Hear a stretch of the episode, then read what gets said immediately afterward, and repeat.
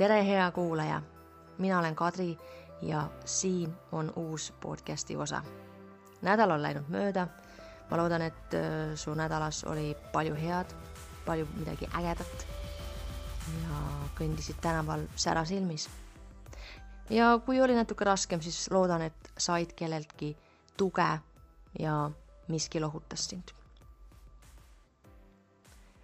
paljude jaoks ma arvan, et tegelikult ka ikkagi enamus inimeste jaoks on see aasta olnud väga raske, on olnud koroona ja ikka kestab veel.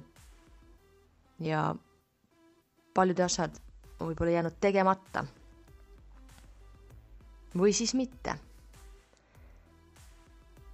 järgmine intervjuu ongi hea näide sellest, kuidas ka koroona ajal võib midagi suurt ja ägedat tekkida. ei tohi karta, et miski ei õnnestu. ei tohi karta, et nüüd ei ole see küll võimalik. Te kuulete kohe intervjuud Alice'iga, kes tegi ühe oma unistuse teoks just sellel aastal aastal kaks tuhat kakskümmend, kui kevadel ja ka praegu möllab koroona. ja ma loodan, et äkki sinagi saad seda intervjuud kuulates mingi väikse tõuke, et oma unistuse poole lähemale liikuda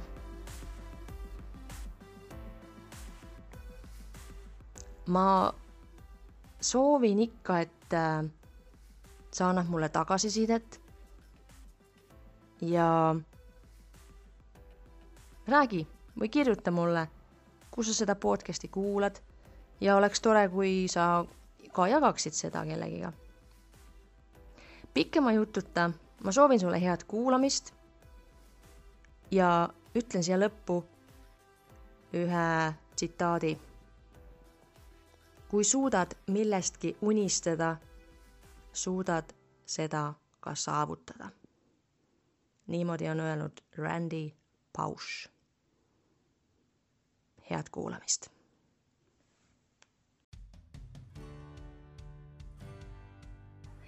nii head podcasti, Kadri Sinijärve podcasti kuulajad.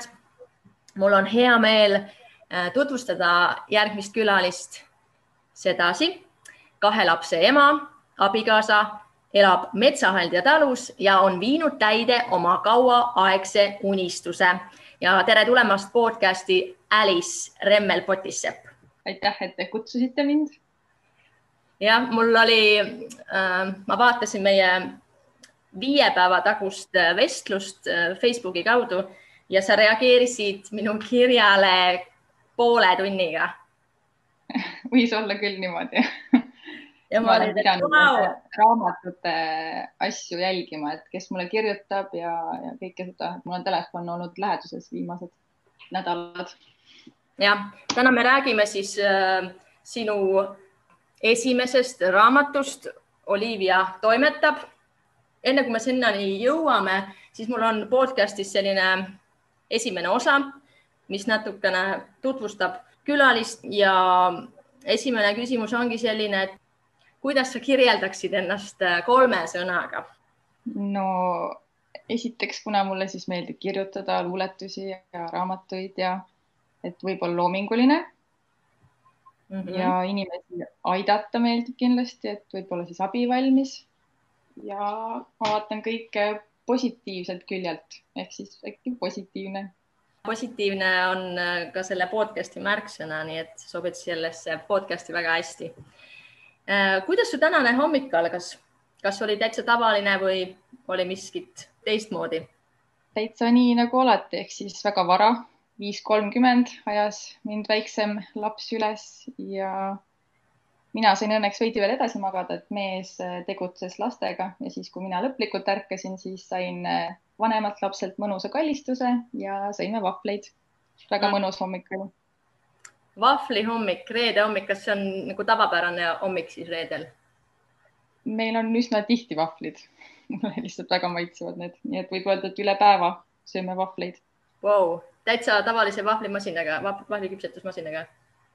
jah, aga need on sellised gluteenivabad, et natuke nii-öelda tervislikumad ma natuke aega tagasi tegin ise ka ja siis, kui ma olin selle taigna valmis teinud, siis ma mõtlesin küll, ah, miks ma pidin seda tegema, see on nii nagu pikk protsess või selline nagu siin kestab väga kaua aega, nagu see on, kõik vahvlid saab valmis. jah, ikka võtab aega küll umbes kaheksa minutit, kaks tükki. esimese osa viimane küsimus oleks, et äh, mis sind innustab praegusel hetkel?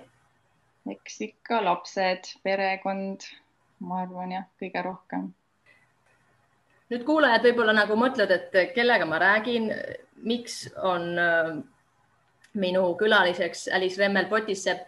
sul on ilmunud esimene raamat Olivia toimetab ja hiljuti oli esimene raamatu esitlus ka. et äh, sa võiksid rääkida sellest äh, raamatu esitlusest, kuidas see, kuidas see läks ja kus see toimus ja kui närvis sa olid eelnevalt ja raamatu esitlus oli väga-väga tore, et sealt tuli nii palju mõnusaid emotsioone. Inimesi oli, terve tuba oli täis, tõesti rohkem, kui ma arvasin, et tuleb. selle õhkkond oli hästi-hästi mõnus. ja see oli esmakordne minu jaoks, nii et mõtlesin ise välja siis, et mis seal teha. lugesin väikse jutukese raamatust lastele mhm. ja mängisime ühe toreda mängu kus ma näitasin erinevaid äh, mänguasju sellest äh, raamatust, kus on ka illustratsioonid joonistatud nagu Olivia päris asjadest ja siis mänguasjadest. näitasin neid mänguasju lastele, lapsed pidid raamatutest üles leidma, et see oli selline vahva mäng, mis lastele meeldis. ja me istetasime ka järjehoidjaid. nii et oli, oli selline tore laste, lastekeskne raamatuesitlus. ja lapsed olid siis seal kaasas vanematega, jah? jah, lapsi oli päris palju, nii suuremaid kui väiksemaid beebisid. ja kus see toimus? See toimus Eesti kaasaegse kunstimuuseumi kohvikus, mida mu õde on siis pool aastat pidanud. see oligi temapoolne soovitus, et ma võiksin teha raamatuesitluse, et ma olen alati tahtnud küll ja mõelnud selle peale, et kui mul raamat tuleb, et ma teeksin. aga samas, kuna mul on selline esinemishirm, siis ma ise mõtlesin küll, et ei tea, kas ikka teha, aga kuna tema oli suur toetaja, arvas, et see oleks hea mõte, siis tegime ära ja mul on väga-väga hea meel, et me tegime seda. Tore mälestus. kuidas nagu kõik üldse nagu alguse sai, et äh, mina leidsin sinu kontakti ja noh, selle raamatu kaudu, Hooandja lehe kaudu, et äh, Hooandjas oli selline, kuidas seda nüüd öeldakse, et sai toetada seda projekti et ja, raamatu kirjutamine või noh, raamat tuleks mingil hetkel välja. ma lugesin, et see oli su kauaaegne unistus, raamatu kirjut-, noh, raamatu väljaandmine. Kuidas sa jõudsid sinnamaani, kus see kõik algas? kirjutada on mulle meeldinud juba täitsa väiksest peale, et ma mäletan, et umbes nelja-viieaastaselt ma kirjutasin jõuluvanale juba luuletusi ja jutukesi mäletan, et ma saatsin alati kooli erinevatele konkurssidele.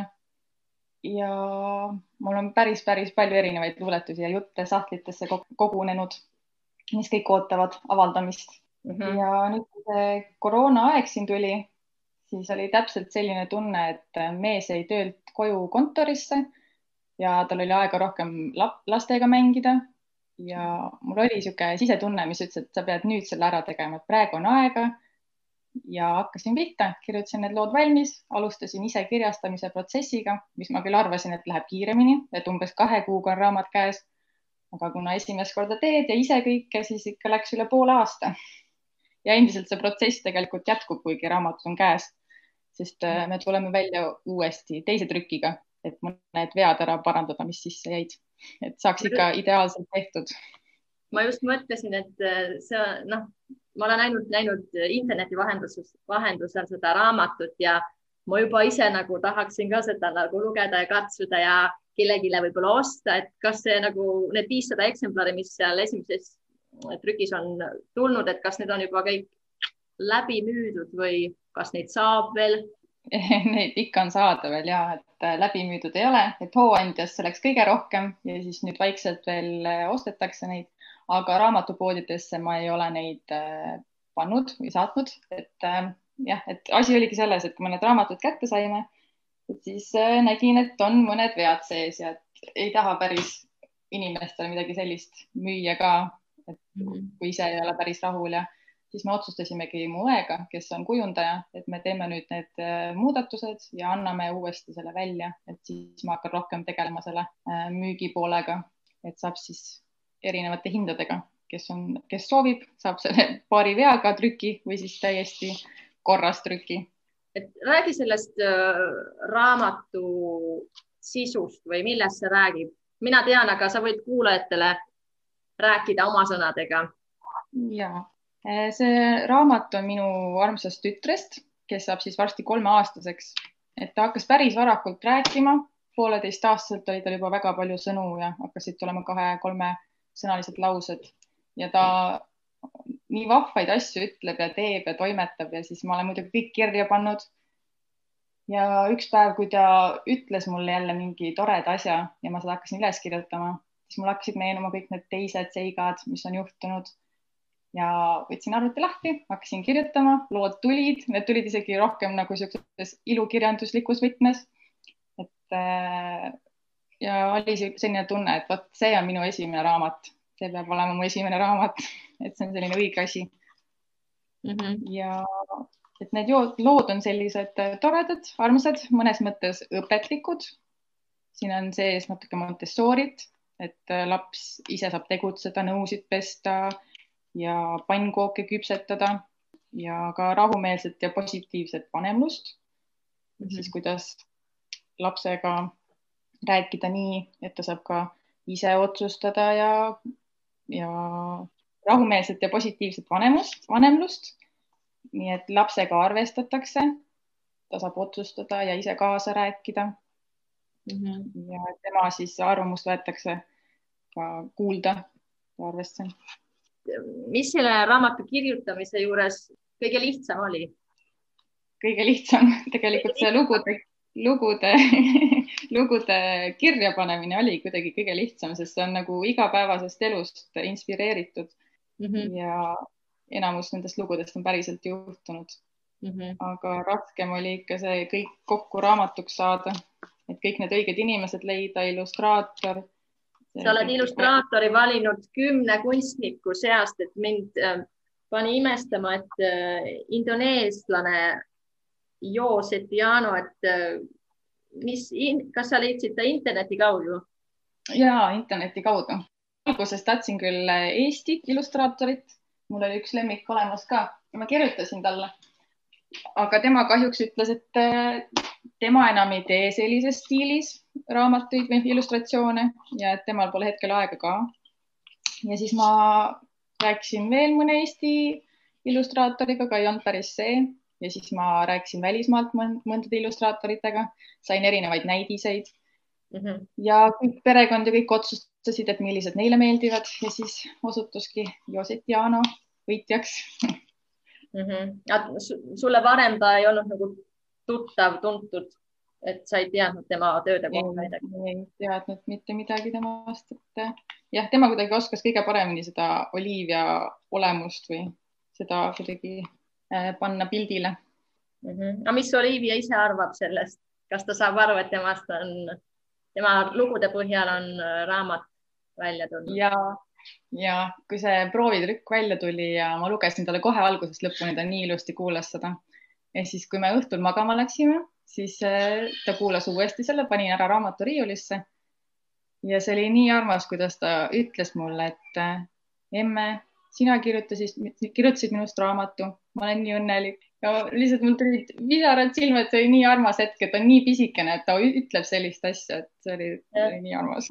Ja tal kindlasti tekib nüüd endal või noh, tal tekib võib-olla, oh, mul tuli jälle mingi uus lugu, et emme kirjuta sellest, kas on tulnud. Võib-olla varsti hakkab tõesti tulema nii, või on ta küsinud juba, et miks sa sellest ei ole kirjutanud? Ei, teda ei ole küsinud, aga ta on jah, kui me hakkame mingit lugu uuesti vaatama, siis ta juba räägib ise selle loo ära, ta teab väga hästi ja tuleb meelde ka, et millal see juhtus ja kuidas see juhtus. aga kuidas sa ise väiksena, milliseid raamatuid sa lugesid ja kes sulle luges ja mis sul lapsepõlvest meelde on jäänud? ja mulle väga-väga meeldis lugeda, ma olen suur raamatuhuviline et kui meil koolis oli see kohustuslik kirjandus, siis ma lugesin kõik selle läbi ja siis veel lisasoovitusi ka, mis õpetajad andsid, et ma olin vist klassis ainuke või üks väheseid, kes nii palju luges. väiksena, mis raamat mulle esimesena meelde tuleb, on Sirli Siim ja saladused ja siis juba Harry Potter, sest Harry Potteri suur fänn ma olen. Ja ma isegi kirjutasin äh, peaaegu valmis ühe Harry Potteri uue osa, sest ma olin nii palju neid öisi läbi lugenud ja mulle nii need äh, meeldisid tegelased, et kõik see samasugune nii-öelda sisu, et kuidas keegi on see paha ja kuidas midagi on varjatud ja kõik see kuidagi hästi Harry Potteri, Potterilik tegevus kõik. Ja ma olen seda mitu korda läbi ka uuesti lugenud ja mulle tegelikult väga meeldib see raamat. Mm.. huvitav selline.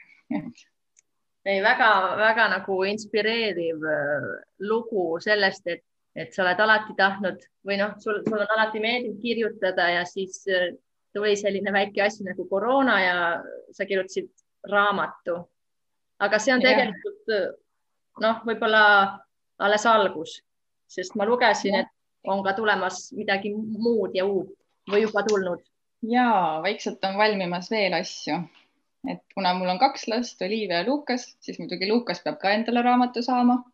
Muidugi. kuna tema veel rääkida ei oska ja nii kaua ei ole meie elus olnud, siis temast tuleb mustvalgete piltidega beebiraamat ja luuleridadega, sest luuletada mulle meeldib ka ja kuidagi need on ka samamoodi päris elust tulnud, need luuleread, et kui ma midagi Lukasega teen, siis ma korrutan talle neid asju, näiteks sõnaga pall, kui me palli mängime, siis ma ütlen talle näiteks pall, pall, pall, jalgu pole all, veereb, veereb, pöörleb, põrkab, põrkab, keerleb. ma olen seda nii palju kuidagi tuleb uuesti see ja uuesti ja kui ma kohe, kui ma seda tegema hakkan, rääkima, siis ta juba hakkab naeratama selle peale, see on tema jaoks tuttav. selliste lühikeste luuleridadega ja mustvalgete piltidega raamatukene ja muidugi mõtteid on hästi palju ja kuna ma ise olin lasteaiaõpetaja ja kirjutasin oma lastele ka hommikuringidesse erinevaid luuletusi ja jutte, et siis mul on plaan teha ka lasteaedadele raamat mm. -hmm. ja seda kõike nagu lähi, lähitulevikus või? jah, järgmise aasta jooksul ja siis veel et äh, kuna ma kunagi tants, tahtsin väiksena kunstnikuks hoopis saada, et võib-olla rakendada seda oskust ka, et joonistada veel järgmisele raamatule oma pildid, lihtsalt selleks on natukene rohkem aega vaja. räägi, mis, mis lehekülg või kohake on internetis selline nagu imeteemaa nurgake? ja imeteemaa nurgakeselt leiabki just äh, selle raamatu ja raamatu põhjal tehtud värviraamatu ja siis lisaks tuleb varsti sinna see beebiraamat ja ka Metsahald ja talutee, mis me oleme siin ise kasvatanud ja pakendanud. selle lehekülje kaudu saabki siis äh, endale soetada hetkel? Ja just, et sinna vaikselt hakkavad ilmuma siis järjest need erinevad raamatud ja isegi lauamänge olen, on plaanis teha, et neid ma olen ka lapsest, laps, lapsena palju teinud ise. Oi, sul on nii palju selliseid uni või noh, eesmärke, et mul on nii, nii tore, tore kuulda, et, et sul, mulle tundub, et need eesmärgid ka täituvad või unistused. Ja see on tore just, et need on kõik need lapsepõlve unistused, et ma tahtsin saada kunstnikuks, õpetajaks ja siis hiljem veidi kirjanikuks ja need siis nüüd kõik vaikselt täituvad. kuidas see on sinuni jõudnud või millest sa nagu saad sellist energiat, et tulevad sellised innukad, lennukad mõtted ja et julged neid teostada ja.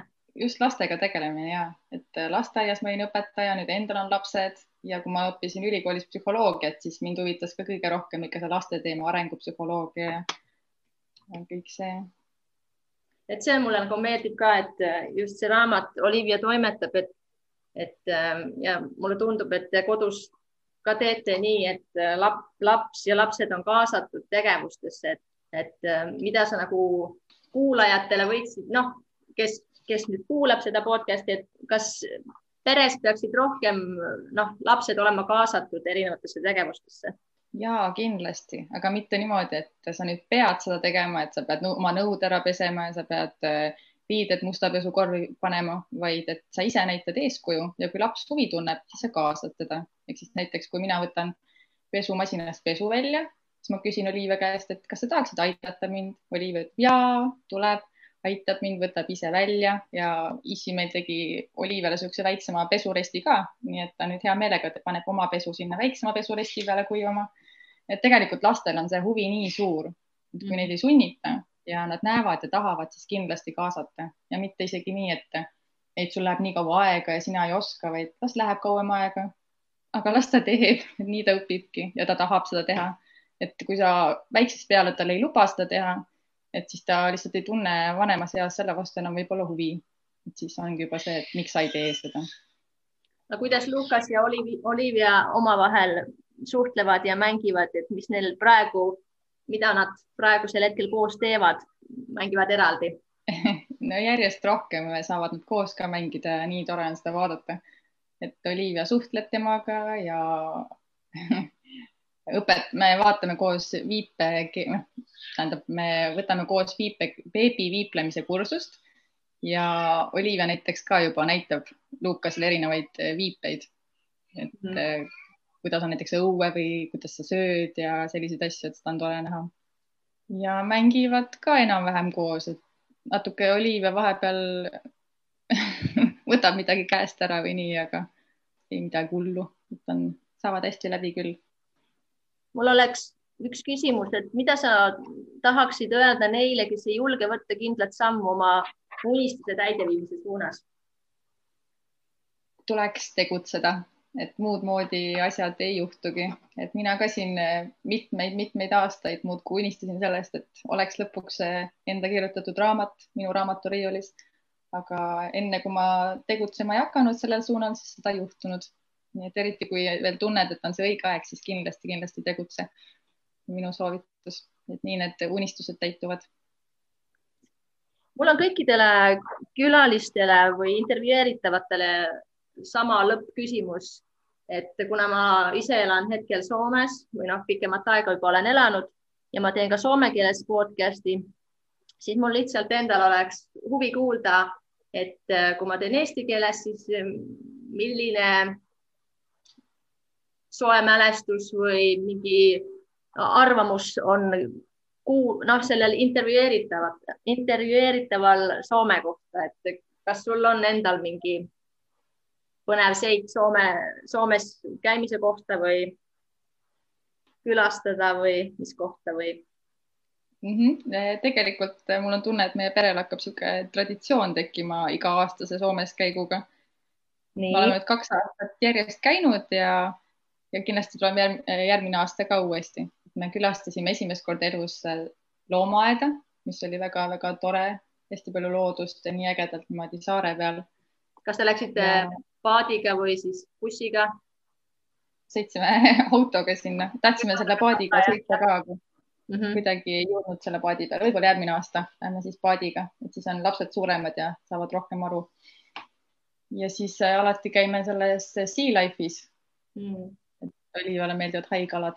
ostsime sealt äh, sellest Sea Life'ist haikala kaasa ja vot sellest on siin pilt raamatus, isegi kaks, kahes kohas on seesama hai, et see, seda, see on siis Sea Life'ist ostetud. mul on olnud väga-väga tore vestlus sinuga ja ma natukene pabistasin, sest mul oli tegelikult see on nagu esimene intervjuu inimesega, keda ma ei tunne, keda ma ei ole kunagi näinud, aga kohe, kui ma sulle kirjutasin sellel teemal, siis ma olin väga rõõmus, et sa esiteks vastasid nii kiirelt ja sa olid ise ka kohe nagu elevil ja või noh, sellega nõus, et äh, podcast'is rääkida. ja nii tore, samad sõnad väga,, väga-väga tore. mulle ka meeldis. aitäh kutsumast. ja ma soovin sulle kõike head ja edu ja mul on nii hea kuulda ja selles suhtes kuulda, et, et inimene, kellel on olnud pikka aega selline unistus, siis äh, sina oled selle unistuse endal täide viinud ja jätkad teiste unistuste poole püüdlema, et äh, sa oled paljudele kindlasti eeskujuks. oi, aitäh. ma loodan, et kõik, kõik saavutavad oma unistused pürgivad nende poole. aitäh sulle. ja aitäh